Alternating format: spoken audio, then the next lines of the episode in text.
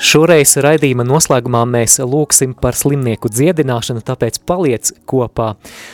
Bet vispirms iedomājies klausītāju un skatītāju šādu situāciju, iztēlosimies kādu vietu, nu, piemēram, meža parka estrādi, kur ir ļoti, ļoti daudz cilvēku, tūkstošiem cilvēku.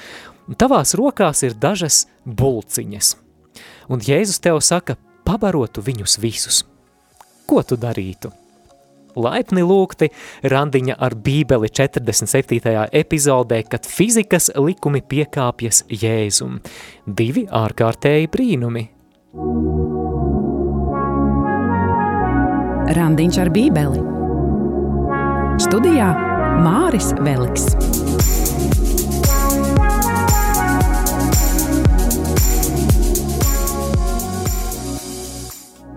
Ne tikai Māris Veliks radio Marijas studijā, bet arī Olga Dādeka. Atgādinām arī, ka šo raidījumu varat vērot video tiešraidē gan YouTube kanālā Radio Marija Latvija tiešraides un Facebook lapā Randiņš ar bībeli. Sveiciens visiem, kas skatās video pamājam tieši jums. Bet šodien mēs runāsim par diviem ārkārtējiem Jēzus brīnumiem, kad fizikas likumiem ir jāpiekāpjas Jēzus priekšā. Mēs runāsim par ēdiena pavairošanu un par vairāku tūkstošu pabarošanu, un runāsim arī par staigāšanu pa ūdens virsmu. Un, protams, arī par to, kādu šodien aktuālu mācību mēs no tā visa varam iegūt. Un ja tu seko līdzi uh, Mateja evangēlijam, evangēlijas studijam, tad atver bībele uh, 14. nodaļu, un mēs lasīsim šodien no 13. panta līdz pat nodaļas beigam, bet mēs iesaksim ar lūkšanu. Dieva tēva un dēla un svētā gara vārdā Āmen. Mēs lūdzam debesu tēvs, lai tu Jēzus Kristus vārdā bagātīgi izlēj svēto garu tā, lai ik viens klausītājs jūtas svētā gara samīļots. O jā, svētais gars plūsti tagad šeit studijā un tur, kur šis raidījums skan tiešraidē un ierakstos, kungs, mums ir tik ļoti vajadzīga jauna svētā gara izliešanās un mēs ļoti vēlamies, lai vārds, kuru mēs lasīsim mūsu priekšā, it kā atdzīvojās, lai tas maina mūsu dzīvi, dot mums paliekošas atziņas un atziņas, lai tas viss tuvina mūs dziļākām un personiskākām attiecībām ar mūsu glābēju un kungu Jēzu Kristu. To mēs lūdzam Jēzus Kristus vārdā. Āmen. Amen. Un svētais Matei. Lūdz par mums.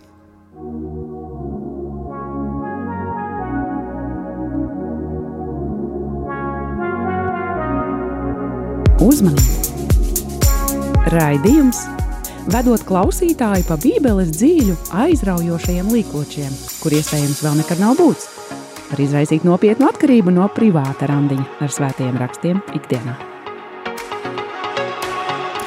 Šodienas pirmajā stāstā Jēzus pārdabiski pavairos maizi un zivis. Un pamazam tad uh, lasīsim Mateja 14. nodaļu no 13. panta. Un Jēzus to dzirdējis aizbrauc no turienes laivā viens pats uz vientuļu vietu, un ļaudis no pilsētām to dzirdējuši, kājām sekoja viņam līdzi. Interesanti, mēs uh, lasam uzreiz, ka un Jēzus to dzirdēdams, tiešām, ko viņš bija dzirdējis?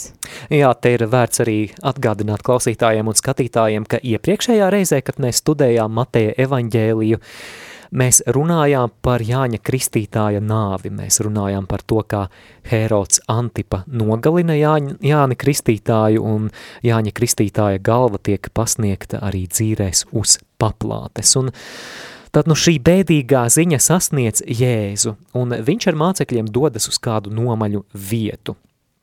Ja mēs lasām šo Mateja tekstu, mums nav skaidrs īsti kāpēc, kāda ir tā motivācija vai iemesls, kāpēc viņš dodas. Varbūt, lai dotos mazliet tālāk no Hēroda pārvaldītajām teritorijām, kurš, ja ir tīkojis pēc Jāņa kristītāja dzīvības, tad var būt arī mm, kādā brīdī viņam rodas interese par Jēzu ar ļoti sliktiem nolūkiem, bet tā varbūt arī, lai izdzīvotu sēras par Jāni Kristītāju, jo Jānis Kristītājs galu galā bija arī viņa radinieks, viņa brālēns.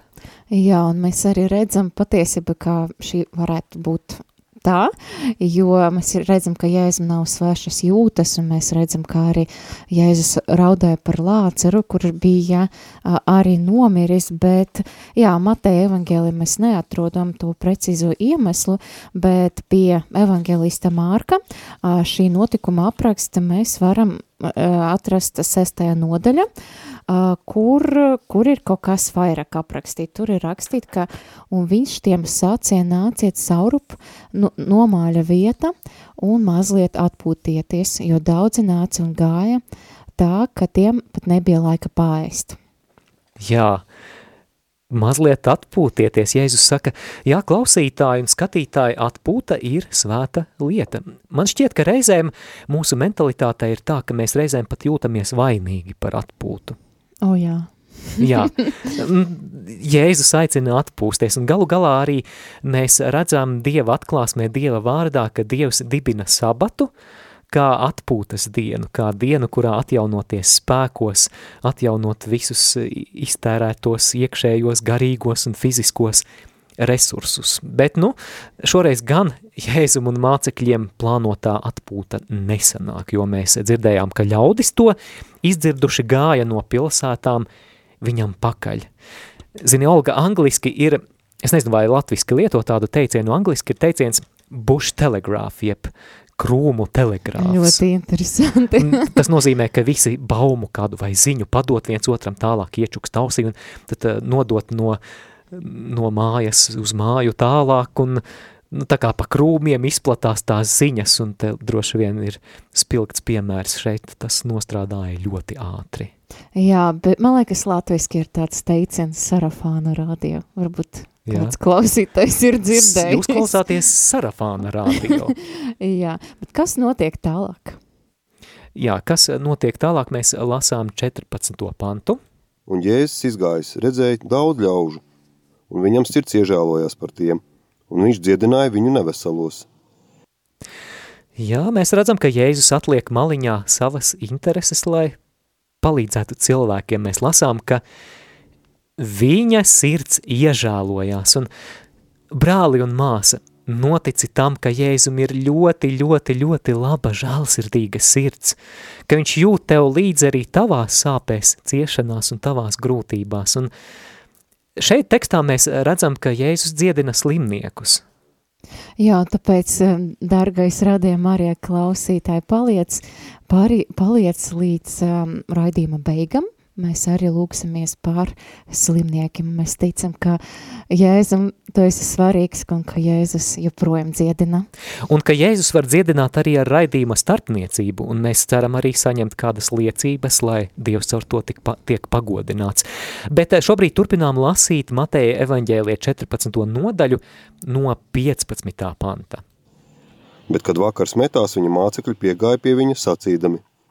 Vieta ir vientuļa un stunda jau vēla atlaid ļaudis, lai tie iet uz ciematiem un pērk sev ko ēst. Bet ja es sacīju viņiem, tiem nav jāiet projām, dodiet jūs viņiem ēst. Bet tie saka viņam, mums šeit nekā nav. Vairāk kā piecas maizes un divas zivis. Mēs varam tikai iztēloties mācekļu reakciju. Jēzu, ko tu teici? Tu laikam kaut ko neesi sapratis, vai tu neesi lietas kursā, ka mums gandrīz nekā nav. Vai pazīstama sajūta, kad mēs uz kādām lietām skatāmies, rēķinoties tikai ar cilvēciskajām iespējām, bet aizmirstot par dieva faktoru.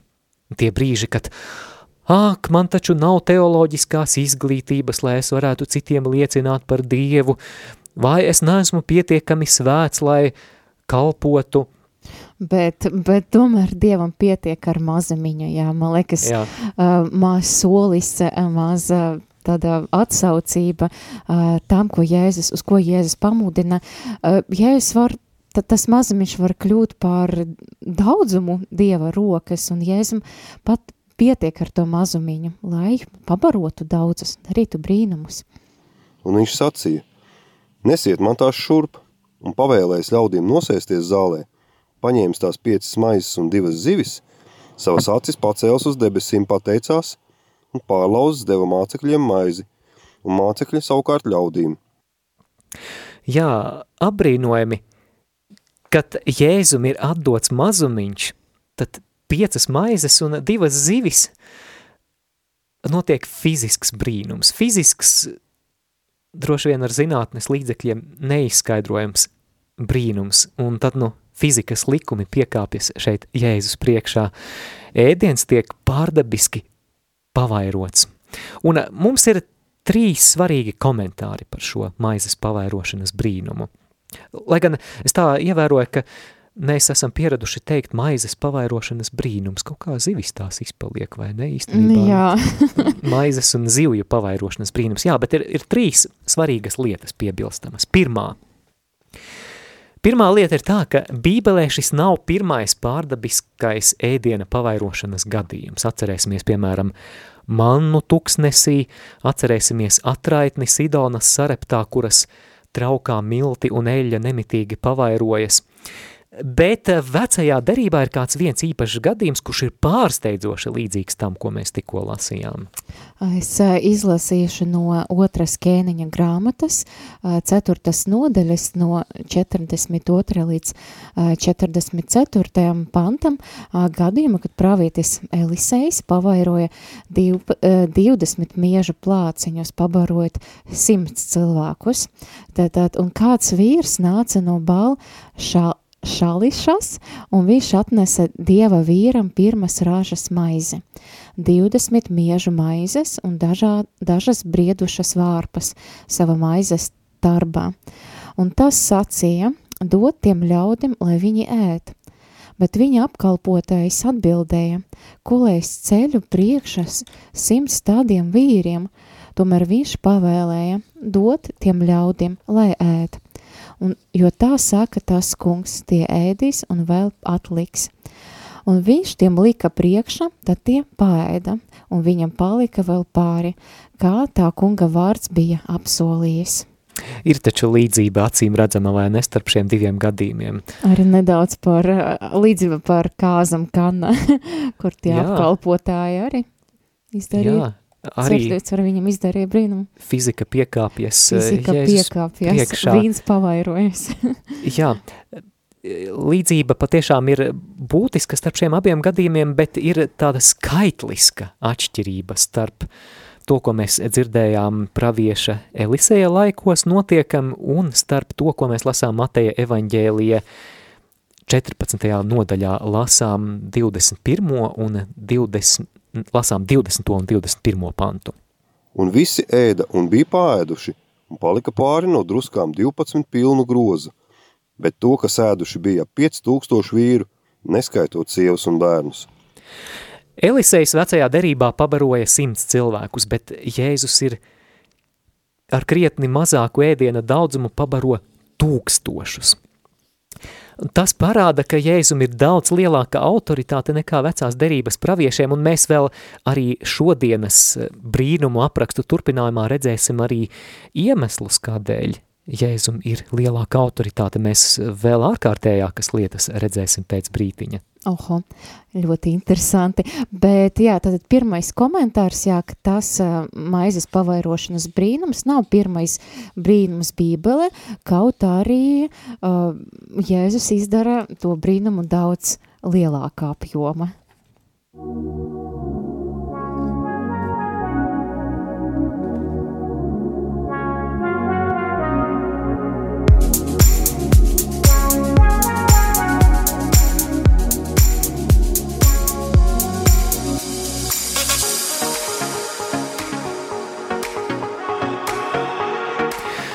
Otrais komentārs par ēdiena pavairošanas brīnumu. Ēdiena pavairošanas brīnumi ir notikuši arī pēc Jēzus, līdz pat mūsdienām.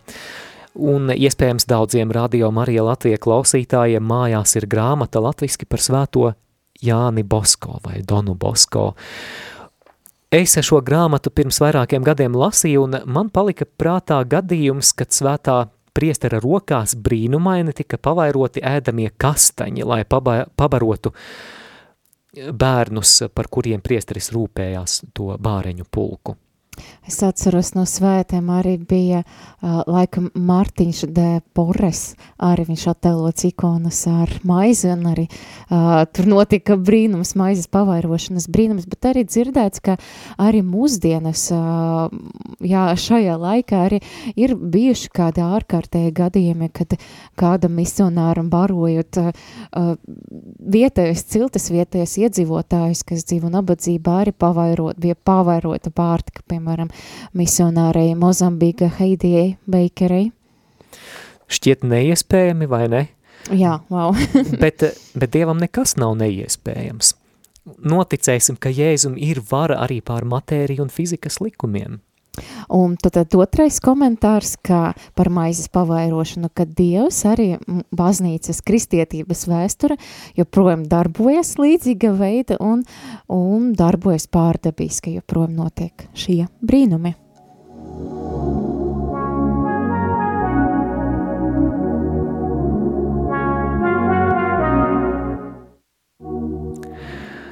Trešais komentārs. Caur maizes pavairošanas brīnumu Jēzus norāda uz Euharistijas brīnumu.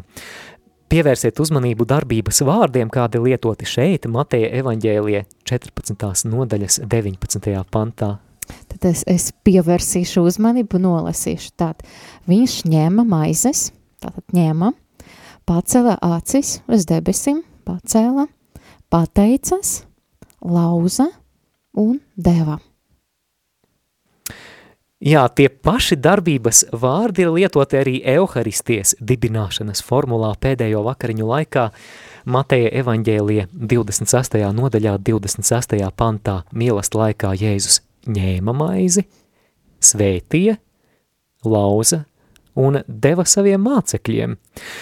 Lai arī šeit, Mateja evaņģēlē 14. nodaļā, protams, mēs nerunājam par euharistijas mielastu, bet kaut kādā ziņā tas ir iepriekš pasludinājums, tā ir norāde uz to, ko Jēzus izdarīja savās pēdējās vakariņās. Bet šajā brīdī ir laiks rubrikai, kā dzirdētais vārds attiecas uz mums. Kā dzirdētais attiecas uz manu dzīvi?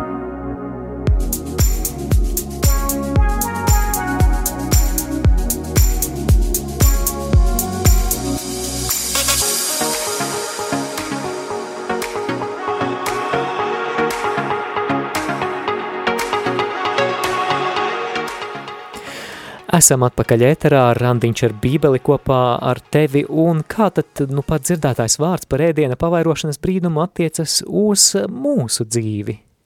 Es uh, varētu padalīties uh, par savu dzīvi, jā, ka dažreiz tu izdarot mazumiņu, tad, uh, ja es varu pavairot, un patiesībā, man liekas, šīs vārds arī, šī vieta Bībele norāda uz to uzticēšanas Jēzum. Jā, Jēzus prasa kaut ko varbūt, bet uzticēt, uh, uzticēties viņam pilnīgi arī ar tām materiāliem lietām. Un es atceros kādu gadījumu, kad uh, es tāda paļāvība uz Dievu uh, noziedoju naudu uh, uz kādu kristīgu, krist, kristīgai organizācijai, neatceros jau kādai, un tā bija diezgan tāda, nu, sāpīga nauda. Es domāju, nu labi, mm. bet Dievs, es Jā. ticu, ka tu par mani parūpēsies. Kā priesteris Arnis Maziļevskis mēdz teikt, ka ziedojums, kas nav sāpīgs, nav ziedojums. A, jā. kā tā apmēram. jā, bet es tāda paļāvība iedevu, es saprotu, ka varbūt tā organizācija tāds ir tāds maziņš nieciņš, jā, bet nu man tas bija uh, sāpīgi, bet es uh, uzticējos, bet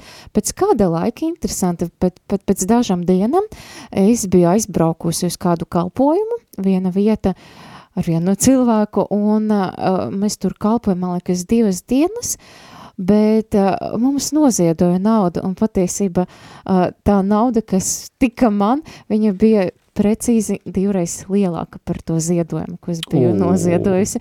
Un man liekas, jā, Dievs, jā, man liekas, šī vieta arī ir par to, kaut arī, arī par garīgam lietam.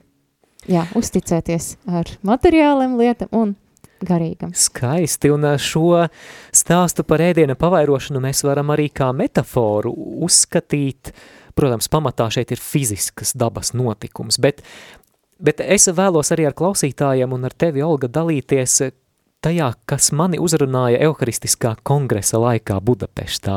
Atgādināsim klausītājiem, ka no 5. līdz 12. septembrim Budapeštā notika starptautiskais Euharistiskais kongress. Es gan klātienē tur nebiju, bet mazliet sanāca sekot līdzi, pateicoties Radio Marija un tiešsaistē, bet mani ļoti uzrunāja – kā Mērija Hīlie, kas ir svēto rakstu profesore un viena no ASV katoļu harizmātiskās atjaunotnes līderēm šajā kongresā komentēja šo rakstu vietu. Un viņa īpaši pievērsās Jēzus vārdiem dodiet jūs viņiem ēst. Un viņa komentēja tā, ka jūs esat Dieva atbilde uz pasaules garīgo izsalkumu. Viņa to runāja evaņģelizācijas sakarā, un es piedāvāju klausītājiem arī dzirdēt Mērijas Hīlies fragmentu, centīšos tulkot. Jēzus atklāja mums noslēpumu. Neuztraucies par to, cik maz tev ir, tikai nāc pie manis, dod man to mazumiņu, kas tev ir, to neadekvātos, pieticīgos resursus, kas jums ir, nesiet tos pie manis, ļauj man paņemt to, kas jums ir, un pavairot to, un tad dodiet to tālāk. Jūs, Jē, Jēzus saka, jūs esat mana atbilde uz pasaules izsalkumu, pasaules garīgo izsalkumu. Jūs esat man atbilde. Lai jūsu sirdis tiek aizkustinātas ar līdzjūtību, ar kuru arī mana sirds ir aizkustināta. Jūs esat mana atbilde uz pasaules garīgo izsalkumu. Ja mēs iemācāmies šo noslēpumu, jo vairāk mēs atdodam, nerēķinoties ar izmaksām, jo vairāk pārpilnībā viņš arī gādās – un tas pavairosies. Būs vienmēr pietiekami, jo bezgalīgā mīlestība mūsu dēļ ir sevi iztukšojusi. Jūs dodiet viņiem kaut ko ēst. Tā ir Jēzus pavēle visiem viņa mācekļiem visos laikos. Mani draugi, kāds ir mūsu dzīves mērķis šeit virs zemes? Dzīve ir ļoti īsa. Neviens no mums nezina, cik mums laika ir atlicis. Lielākajai daļai no mums iespējams daži gadi, dažiem no mums tie var būt, tās var būt tikai nedēļas vai dienas. Salīdzinot ar mūžību, mūsu dzīve ir tik īsa. Kāds ir mūsu mērķis? Tas ir nokļūt kādu dienu debesīs, bet ne tikai. Mūsu mērķis, brāļi un māsas, ir, lai mēs darītu debesis klātesošas šeit virs zemes, lai ik viens no mums, atbilstoši mūsu aicinājumam, darītu Jēzu klātesošu šeit virs zemes. Tur, kur ir Jēzus, tur ir debesis. Un kad mēs barojamies no Jēzus caur svēto garu, mēs kļūstam par viņu. Un tad mēs varam teikt citiem cilvēkiem, ņemiet, lūk ir mana miesa, mans laiks, manas dāvanas, mana uzmanība, mana mīlestība. Mēs varam izliet sevi citu cilvēku labā, tā lai visa mūsu dzīve kļūtu par dalību Jēzus misijā. Tiem no mums, kas dzīvojam rietumu pasaulē, vajadzība cilvēkiem dzirdēt evaņģēliju ir lielāka kā jebkad agrāk. baznīcas vēsturē.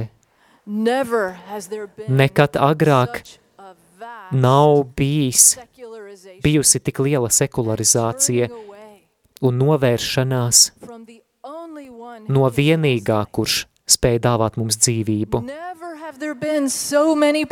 Nekad nav bijis tik daudz cilvēku, kuri iespējams ir kristīti, bet kuri nepazīst Dievu. who have walked away kur ir aizgājuši projām no kunga un viņa baznīcas, kuri ir kā garīgie bāreņi, nezinot, kas viņi ir, no kurienes viņi nāk, vai kurp viņi dodas, un kāda tad ir dzīves jēga. Brāļi un māsas, viņi gaida uz mums, viņi gaida uz mums, lai mēs atdzīvoto savā ticībā caur svēto garu.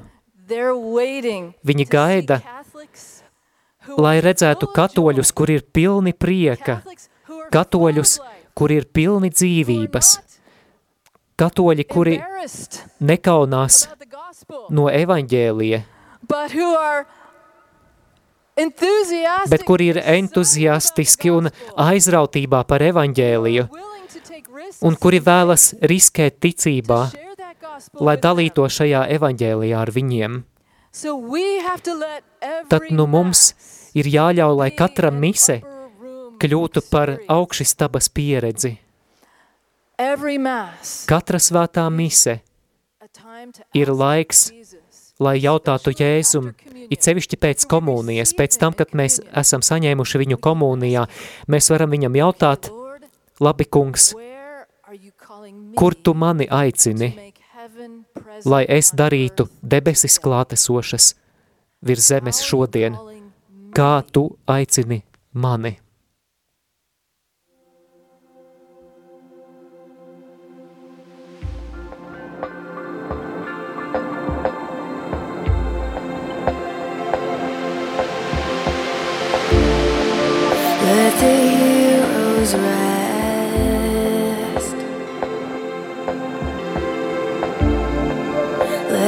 driving seat.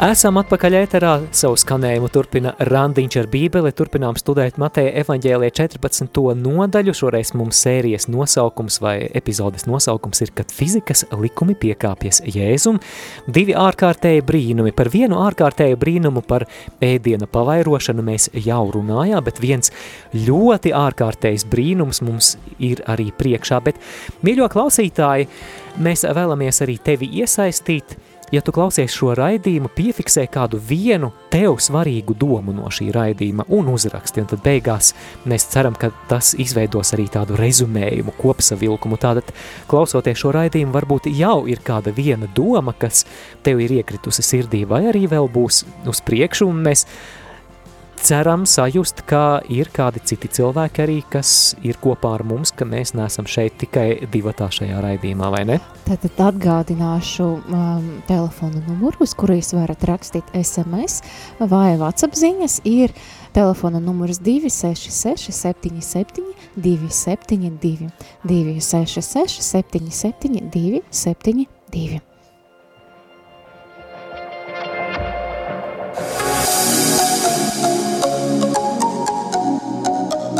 Skan randiņš ar bībeli. Šodienas otrajā stāstā Jēzus staigās pa ūdens virsmu, un viņam pievienosies arī Pēteris. Lasām Mateja evaņģēlē 14. nodaļu no 22. panta. Un tūlīt Jēzus lika saviem mācekļiem kāpt laivā un pārcelties uz otru malu, tiekams viņš atlaidīs ļaudis. Un ļaudis atlaids viņš uzkāpa savrupu kalnā lūgt Dievu. Un kad vakars metās, viņš tur palika viens pats, bet laiva bija jau daudzas stadījus no zemes attālu jūras vidū, viļņi to mētāja, jo pūta pretējs vējš, rīta agrumā 4. nakts sardzē.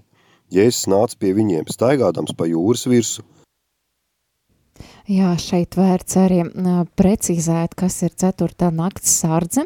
Tātad nakts ir, bija iedalīta četras sārdzes, un ceturta sārdze, kad Jēzus nāca pa ūdeni, ir laiks no trījiem naktī līdz sešiem no rīta. Tas nozīmē, Jā, tad tas, kad saldā, saldākie sapņi rādās. ka kādam saldākie, kādam varbūt murgi, nezinu. Šausmas. Jā, bet tas nozīmē, ka mācekļi cīnījies ar to vēju gandrīz visu nakti. Nu, kā līdzīgi šodien, laikam 14. O, jā, janvāri.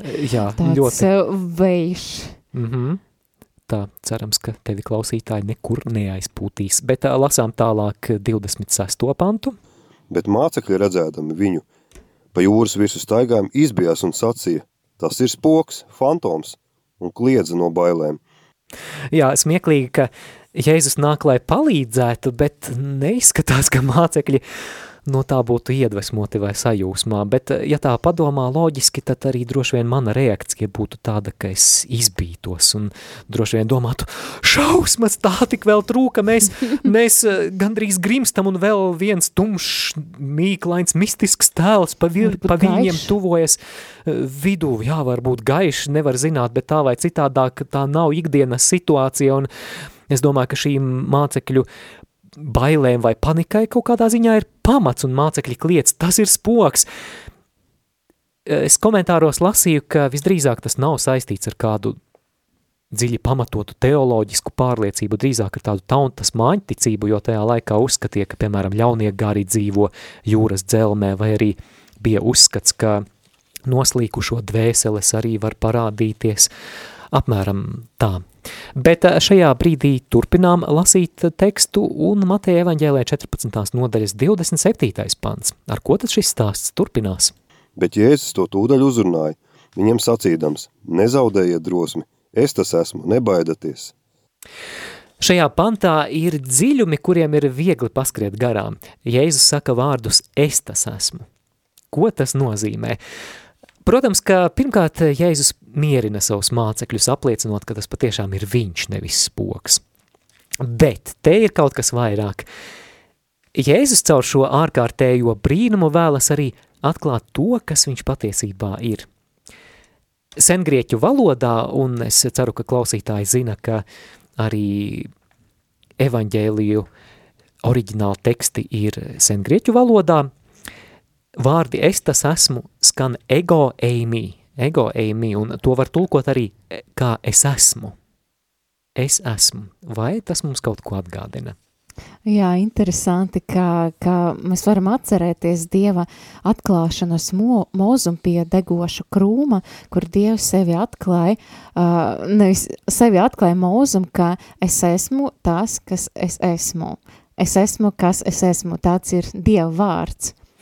Un tas nav tikai Dieva vārds, es esmu, ar ko Jēzus ļauj nojaust savu dievišķo dabu, tā ir arī vara pār fizisko matēriju, ko mēs šajā notikumā redzam, ka viņš staigā pa ūdens virsmu un vienkārši fizikas likumi atkāpjas, atkāpjas priekšnieka vietā, atkāpjas radītāja priekšā, jo, kā mēs Jāņa evaņģēlija prologā lasām, ka caur viņu viss ir radīts un bez viņa nekas nav radīts, kas ir.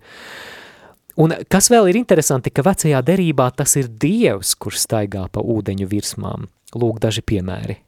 Tad no Ijāba grāmatas 9. nodaļas 8. pants viņš viens pats izplēš pār zemi debesīs un soļu par jūras viļņiem, un arī no psalma, 77. psalma, 20.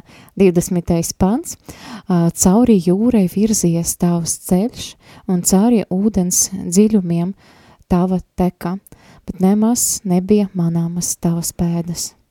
Jā, šī dieva staigāšana pa ūdens virsmu ir spēcīgs simbols viņa kā radītāja varai pār šīs pasaules dabas spēkiem, un tad nu tagad Jēzus iet pa ūdens virsmu un atklāja sevi kā ego eimi, jeb es esmu, kas ir dieva vārds, un vēlāk vēl, kā lasīsim, nomierina vētru, un tādējādi viņš netieši atklāja to, ka viņš ir arī dievs, viņš atklāja savu dievišķo dabu.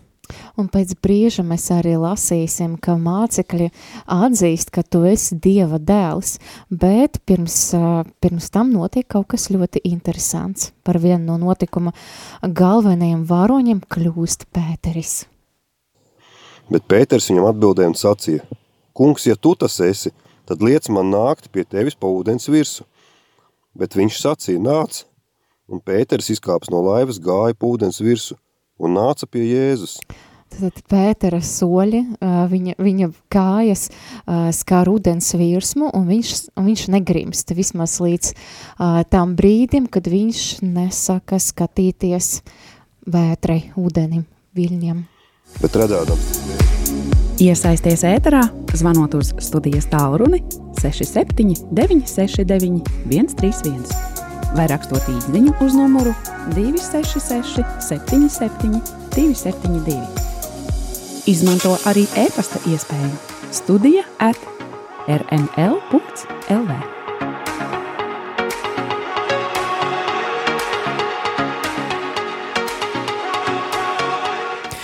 re, kā tehniskas ķibelītes gadās, bet ir vērts arī kontaktinformācijā ieklausīties, jo Mēs vēlamies arī iesaistīt klausītāju sēterā, lai nav tā, ka mēs te tikai divi tā esam. Kas ir tā doma, kas tevi šajā raidījumā uzrunā, kas tev šķieta svarīga? Droši iesaisties ēterā, bet tad nu turpinām lasīt Mateja evaņģēlie 14. nodaļu, 30. un 31. pantu. Bet redzēdams, cik vējš ir spēcīgs, nobijās un sāka grimt un brēca sacīdams, kungs, palīdzi man! Un tūlīt Jēzus roku izstieps viņus atvēra un sacīja viņam, mazticīgais, kāpēc tu šaubījies? Jā, interesanti, ka Pēteris sāka grimt, kad viņa acis pievēršas vētrai. Tas viņu nobiedē. Un te ir kāda svarīga doma. Lai pievērstos vētrai, Pētera skatienam vispirms ir jānovēršas no Jēzus. Jā, un tā ir mācība mums visiem, ka, jā, ka mums jāpievērš savu, savu skatiens Jēzum, un man liekas, mūsu dzīve tik daudz vētru, kā arī šodien paloga mēs varam vērot, bet mums diez vai tas palīdzēs, ja mēs fokusēsimies uh, uz vēju un uz viļņiem, tad mums jāpievērš savu skatiens uz Jēzu, viņš mūs izglābs. Un, kad tie iekāp laivā, vējš norima un tie, kas bija laivā, metās viņa priekšā ceļos un sacīja viņam, patiesi, tu esi Dieva dēls. Un jā, tad mēs redzam, ka mācekļi viņu atzina par, par Dievu dēlu, un šī ir pirmā reize Mateja evangēlijā, kur cilvēki atzīst, ka Jēzus ir Dieva dēls. Un nākamais reizes būs uh, Mateja 16. nodaļa, kur Pēteris atzīs viņu par Dieva dēlu, un arī savukārt noslēguma evangēlijā noslēguma Mateja 27. nodaļa, kad Jēzu, Jēzus mirs pie krusta un par viņu par dieva, kā dieva die, dēlu atzīst centurions. Jā, bet tas, kas notiek šajā vētrā, tas, kas notiek šajā Galilējas jūrā, kur ir tik nemierīga šajā naktī, Jēzus atklāja savu dievišķību. Viņam pakļaujas fizikas likumi, viņš iet pa ūdens virsmu, viņš dara kaut ko tādu, ko neviens cits nav darījis, un nav brīnums, ka apustuļi izsaka šos vārdus, patiesi tu esi Dieva dēls. Mēs varam mēģināt tikai iztēloties, kā tas bija īstenībā, piedzīvot kaut ko tik ārkārtēju, tik dramatisku. Mēs redzam arī, ka apustuļi pat ir metušies ceļos Jēzus priekšā. Bet šajā brīdī atkal ir vērts pievērsties rubrikai, kā dzirdētais vārds, proti, kā šī līdzība, nevis līdzība, bet notikums ar staigāšanu pa ūdens virsmu var attiekties uz tavu un manu dzīvi. Kā dzirdētais attiecas uz manu dzīvi?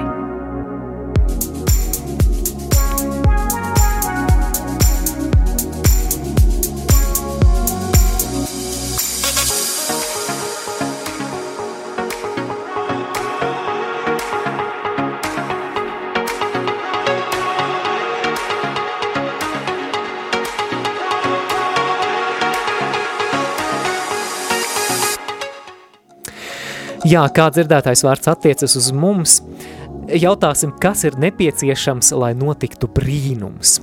Un vēlamies uzdāvināt tev, klausītāji, kādu līdzi ņemamu domu, ceļamaizi, proti izkāpt no laivas un pievērst skatienu jēzum. Atkārtosim vēl, jo šis, ja būtu rakstītā veidā, tad to vajadzētu pasvītrot un ieboldot, tātad izkāpt no laivas un pievērst savu skatienu jēzumu. Jā, un mēs laivu varam uzskatīt tādu kā uh, simbolu mūsu komforta zonē. Man liekas, mums ļoti ērti būt tā kā verotāji, varbūt mm -hmm. ne, neaktīvi līdzdalībnieki kaut kādai situācijai, bet uh, droši palikt sava laiviņa un nekur ārā nekāpt īpaši, ja ir vētra.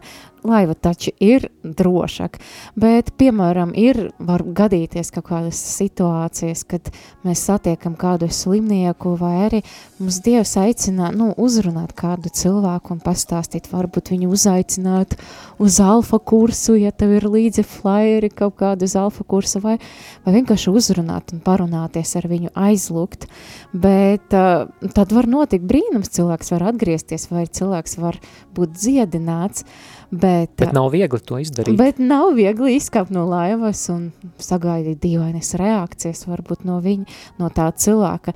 Bet ja nu slimnieks nebūs dziedināts, un vai, vai tiešām ir vērts aizlukt par kādu slimnieku, kam ir kaut kāda noteikta slimība, vai man liekas, mums daudz nāk prāta visādi. Ja nu ne, ja nu ne, un ja notiek tas un tas, man liekas. Varbūt šoreiz nē. Varbūt šoreiz nē, varbūt nākamā reize Dievs. Bet man liekas, mums mums jāmaina tā doma ne uz, uz to pretēju, bet kas būs, ja būs tās brīnums, ja būs dziedināšana.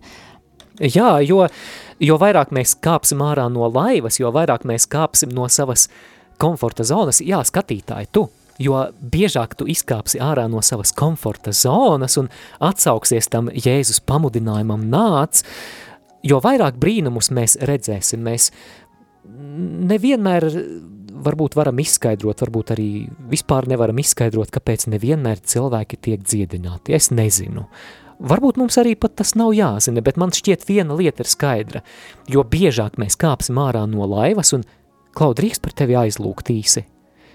Jo vairāk mēs dosim iespēju Dievam izdarīt kādu brīnumu, kurš paietu mums garām, tad, ja mēs paliktu savā komforta zonā, savā siltajā, siltajā, mierīgajā, pūkainajā, mīkstajā, laiviņā. Jā, tāpēc uh, izkāp no laivas un pievērs savu skatienu Jēzum. Man liekas, tāda veida mēs arī darām, rīkojamies līdzīgi kā pats Jēzus, jo Jēzus arī teica, ka viņš neko nedara, ā, ja neredz, ka to tēvs nedarītu, tad viņš dara tikai to, ko redz, ko tēvs dara, un līdzīgi, ka Jēzum bija pievērsts skatiens tēvam, tā arī mums jābūt pievērstam skatienam. Ā, Jēzum, tad mēs redzam, ko Jēzus dara, ko Jēzus, uz ko Jēzus mūs pamudina, tāda līdzīgi mēs varam darboties. Tad, bet cits piemērs arī izkapšana no laivas, varbūt nu, svarīgi lēmumi mūsu dzīve, kur studēt, ar ko precēties, stāties semināra vai klosteri, doties misija vai mainīt darbu vai nē, ja jūti, ka Dievs uz to aicina, bet dažreiz tie lēmumi šķiet, šķiet nelogiski, varbūt, O jā, jā, uz ko Dievs varbūt aicina, varbūt sāk, risks. Risks, jā, es atceros, man arī bija tāds viens risks, kad Dievs man aicināja prom no darba, bet, nu, šobrīd esmu rādījumā arī Latvijā. Ļoti pateicos Dievam par to. Un, jā, varbūt Dievs pamudina kalpot uh, rādījumā arī Latvijā, vai arī kalpot slimniekiem, varbūt kalpot alfa. Jā, ja tev ir šis vārds no Jēzus, gluži kā Pēterim, nāc, ja tu to jūti savā sirdī, tad kāp tikai ārā no laivas. Jēzus parūpēsies, lai tu varētu nostāvēt uz tiem viļņiem un pievērs savu skatienu Jēzum, jā, kāpjot ārā no laivas, skaties nevis uz to, kā trūkst, gluži kā, kā mācekļi arī šajā ēdiena pavairošanas eh, gadījumā. Mums taču ir tikai piecas maizes un divas ziltiņas. Viņi uz to skatījās. Skaties uz Jēzu. Skaties uz Jēzu, kā pārā no laivas un skaties uz Jēzu, jo pretējā gadījumā, paliekot laivā, tu nedot iespēju īsti Dievam parādīt savu pārdabisko vadību, gādību un spēku. Un, nu, nu, tūlīt mēs, e, tagad mēs runājam par, par dziedināšanu, jā, kā kāpla ārā no laivas un lūgt par dziedināšanu, tad mēs arī, arī Kāpsim, jā. kāpsim no laivas, O-o. raidījuma beigas, un arī mēs uzdrošināsimies aizlūgt par klausītājiem, kas, pi- kuri piedzīvo kādas fiziskas, gan arī varbūt garīgas, emocionālas kaitas vajadzības. Tūlīt mēs lūksim par slimniekiem, bet uh, tagad arī nolasīsim klausītāju īziņas. Vēl var paspēt iesaistīties ēterā, kas ir tā doma, kuru tu no šī raidījuma gribētu paņemt līdzi. Numurs īziņām un WhatsApp ziņām ir 266 77 272 un sāksim ar, ar kādu ziņu. Uzrunāja runa no kongresa par evanģelizāciju gribas izdzīt katoļus evaņģelizēt, āmen. Jā, lai nebūtu jādzen, katoļi ejam ārā paši. Kāpjam ārā no savas laivas. Tad vēl, vēl, vēl mums ir īziņa. Manuprāt, šāds jūsu bībeles lasīšanas veids, zinātniski izpētošs, maz palīdz iepazīt, satikt Dievu, raksta Jānis. Paldies par atklātu viedokli. Tā. Un tā, vēl arī kāda īziņa ar mani, nu pat šajās dienās notika liels brīnums. Meita bija slimnīcā un 1. janvārī atgriezās mājās. Tajā pašā vakarā man vienā minūtē notirpa visa kreisā puse, ja viņas nebūtu. Hm. Tā, nu jā, nu labi, ka viss ir labi beidzies, bet tad mēs tulīt arī par slimniekiem lūksim, un Whatsappā mums ir arī ziņa, lai slavēts Jēzus Kristus, šeit līga. Mani visvairāk uzrunāja pirmie panti, Jēzus aizgāja uz nomaļu vietu, jo es nebiju aizdomājusies par Jēzus cilvēcību, nebiju centusies saprast, kāpēc viņš tur gāja, kaut vai lai sērotu, un pants dodiet jūs viņiem ēst, ka jābaro pēc Dieva mīlestības, žēlastības izsalkusī pasaule ar Dieva vārdu. Ļoti skaisti, Jā, paldies paldies. liels! Mums ir nāk vēl ziņas. Jā, nākamā ziņa ir.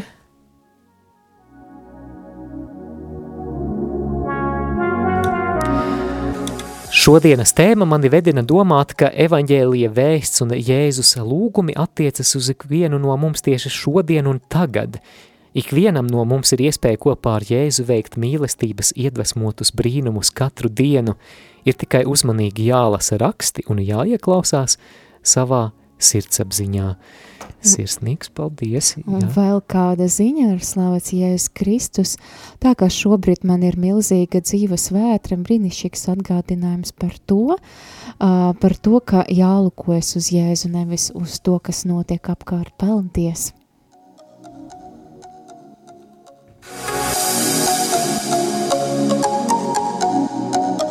Skan randiņš ar bībeli. Jā, Jānis mums aizrāda, ka šāds bībeles studiju veids netuvina Dievam, tāpēc, tāpēc mēs nāksim paša Dieva priekšā un ļausim, lai viņš pats mūs tuvina viņam un lūksim par slimniekiem. Dargo klausītāji, mēs to nedarām šajā raidījumā vienkārši kāda eksperimenta dēļ, mēs to Vispār mēs to uzdrošināmies darīt, kāpjot ārā no laivas, tāpēc, ka mēs ar Olgu ticam, ka Dievs arī šodien dara brīnumus, vai ne? Var dziedināt. Dievs var dziedināt. Un, dārgo klausītāji, tu vari arī šajā brīdī pievienoties, lai mums tādi lūkšanu papildspēki, un tu vari pacelt savas rokas ticībā un vienalga, kā pievienojies šai lūkšanai, jo šobrīd mūs klausās daudzi, daudzi cilvēki, kuriem ir veselības problēmas, kuriem ir fiziskas veselības problēmas, kuriem ir garīgas, emocionālas veselības problēmas, un lai šis ir brīnumu vakars, mēs nāksim Dieva priekšā, lai lūgtu Dieva tēva un dēla un svētā gara vārdā. Amen. Amen. Jā, kungs Jēzu, tev pakļaujas fizikas likumi, un to mēs redzējām tavā vārdā. Un šodien tavā vārdā mēs lasījām arī to, ka tava sirds ir ļoti līdzjūtīga. Tu zini mūsu māsiņas, mūsu brālīšus, kas cieš. Tu, tu redzi viņus, tu redzi tos cilvēkus, kas klausās šo raidījumu, un Jēzu mēs lūdzam, lai tu tagad uzliec viņiem neveselajai vietai, lai tu uzliec savu caurdurto roku kungs, lai arī mūs šķir geogrāfiska distance, tev tāda nepastāv, tu esi klātesošs pie viņiem, un es lūdzu, lai tu tagad uzliec roku slimniekiem, un lai tu ļauj viņiem sajust to spēku, ko sajuta izējam no tavas drēbju vīles arī ar asiņošanu sirkstošā sieviete evaņģēlijā. Kungs, lai viņi sajūt to, kā tavs dziedinošais svaidījums, kā tavs dziedinošais spēks ieplūst viņu, viņu slimajās miesās un viņu slimajās ķermeņa daļās. Jā, kungs Dievs arī es lūdzu par tiem, kam notiek šobrīd vētra apkārt, uh, gan finansiāli, gan attiecības, gan arī kungs Dievs visas citas sfēras jomas. Kungs Dievs, es lūdzu, lai tu pasaki, šai vētrai apstāties, ka tu norāji šo vētru līdzīgi, kā tas bija, ka tu biji ar mācekļiem, ka tu apstādināji, apklusināji šo vētru. Nāc, Jēzu, uzruna katru cilvēku, uzruna katru cilvēku, ka, lai viņi nebaidas, ka tas esi tu, kas viņam blakus stāvi, ka tu sāki, šeit es esmu nebīsties, es esmu ar tevi, Kungs, Dievs, tu lūdzu, lai tu dod pārdabisku mieru katram cilvēkam, kas, kuram tagad tas ir vajadzīgs, lai Dieva miers, Dieva spēks, Dieva mīlestība viņus apklāja. Jēzus Kristus vārda, slāvē Tev, Kungs, Dievs. Slāvē Tev, Kungs, Dievs. Man ir tāda sajūta, ka šobrīd mūs klausās cilvēki ar stiprām galvas sāpēm, Jā, kungs Jēzu, es lūdzu dziedini šos cilvēkus. Jēzus Kristus vārdā mēs pavēlam šīm galvas sāpēm pat šajā pat brīdī atstāt šos cilvēkus, un lai viņi būtu pilnīgi dziedināti, lai viņiem būtu skaists un, un viegls šīs dienas turpinājums Jēzus Kristus vārdā. Kungs, mēs lūdzam par cilvēkiem, kuriem ir kaulu problēmas, Mēs lūdzam par cilvēkiem, kuri sirds, sirgst ar artrītu. Kungs pieskaries un, un dari brīnumu, neatgriezenisku brīnumu, kungs. Kungs ļauj sajust, kā tavs dziedinošais siltums ieplūst tajās ķermeņa daļās, kur ir arī šī slimība. Kungs dziedini. Paldies, ka tu dziedini. Jā, paldies, kungs, ka tu dziedini, kungs, Dievs, visas kaitas. Tu dziedini tiem, kam trūkst spēka, kam ir visu laiku kāds nogurums, bezmiegs. Kungs, Dievs, atjauno viņu spēkus, dod dzīvību pārpilnība, atjauno spēkus, atjauno enerģiju, ka viņi varētu atkal uh, dzīvot pārpilnībā, pildīt savus pienākumus Jēzus Kristus vārdam. Jā, kungs, mēs lūdzam par tiem, kas um, sirgst garīgi. Kungs, mēs lūdzam par, tie, kas, par tiem cilvēkiem, kas piedzīvo depresiju un trauksmi. Jēzus Kristus vārdā, lai atkāpjas jebkāds smaguma gars, jebkāda depresija. Kungs, mēs salaužam šo depresiju Jēzus Kristus vārdā klausītāju dzīvē, lai tā atkāpjas projām, projām no šiem klausītājiem, Jēzu Kristu uzliec tu savas caurdurtās rokas un sniedz šiem cilvēkiem savu dzīvību un dzīvību pārpilnībā, lai atjaunojas dzī spēks dzīvot, lai atjaunojas griba dzīvot, lai atjaunojas krāsas dzīves, lai atjaunojas dzīves krāsas, piepildi ar savu mieru, ar savu prieku, ar savu siltumu, ar savu vieglumu, kungs noņem to smaguma nastu Jēzu Kristu – Noņem jebkādas bailes no klausītājiem, dziedini viņus Jēzus Kristus vārdā. Es arī lūdzas par tiem, kam ir temperatūra vai kāds drūdzis, Jēzus Kristus vārda, drūdzis un temperatūra, lai atkāpjas Jēzus Kristus vārda, līdzīgi kā Jēzu to esi dziedinājis Sīmaņa Pētera, sievas mātu, māti, tāpat arī uh, Kungs Jēzu dziedina arī šos cilvēkus, lai kāda temperatūra, lai kāds drūdzis atkāpjas Jēzus Kristus vārdam. Mēs lūdzam par jebkuras fiziskas un garīgas slimības dziedināšanu. Kungs, Jēzu Kristu, tu esi tas pats vakar, šodien un mūžīgi, lai tavs svētais vārds top pagodināts klausītāju veselībā, lai viņi piedzīvo veselības uzlabojumu, lai asins spiediens normalizējas, lai lai sirds sāk darboties normāli, lai gremošanas sistēma sāk darboties normāli. Mēs lūdzam par asins rites problēmām, Jēzus Kristus vārdā dziedini, Jēzu pieskaries, mēs slavējam tevi, mēs pateicamies tev. Slava tev, kungs! To visu mēs lūdzam Jēzus Kristus vārdā, Un jā, tikko arī atcerējos, ka mēs taču esam aizmirsuši arī pēdējās, pēdējos pantus no šīs nodaļas noklausīties, bet nu, ar to arī tad raidījumu noslēgsim, un tieši par dziedināšanu būs runa tā, ka klausāmies, un paldies par kopā būšanu šeit ēterā bijām mēs, Māris Veliks. Un Olga Dadeka. Un viņi pārcēlās uz otru malu un nāca ģenaceretes zemē, un kad turienes vīri ļaudis viņu pazina, tie pavēstīja to pa visu viņa novadu, un tie atnesa pie viņa visus neveselos, un viņa lūdza, ka tie drīkstētu tikai aizskart viņa drēbju vīli, un kas aizskāra, kļuva vesels.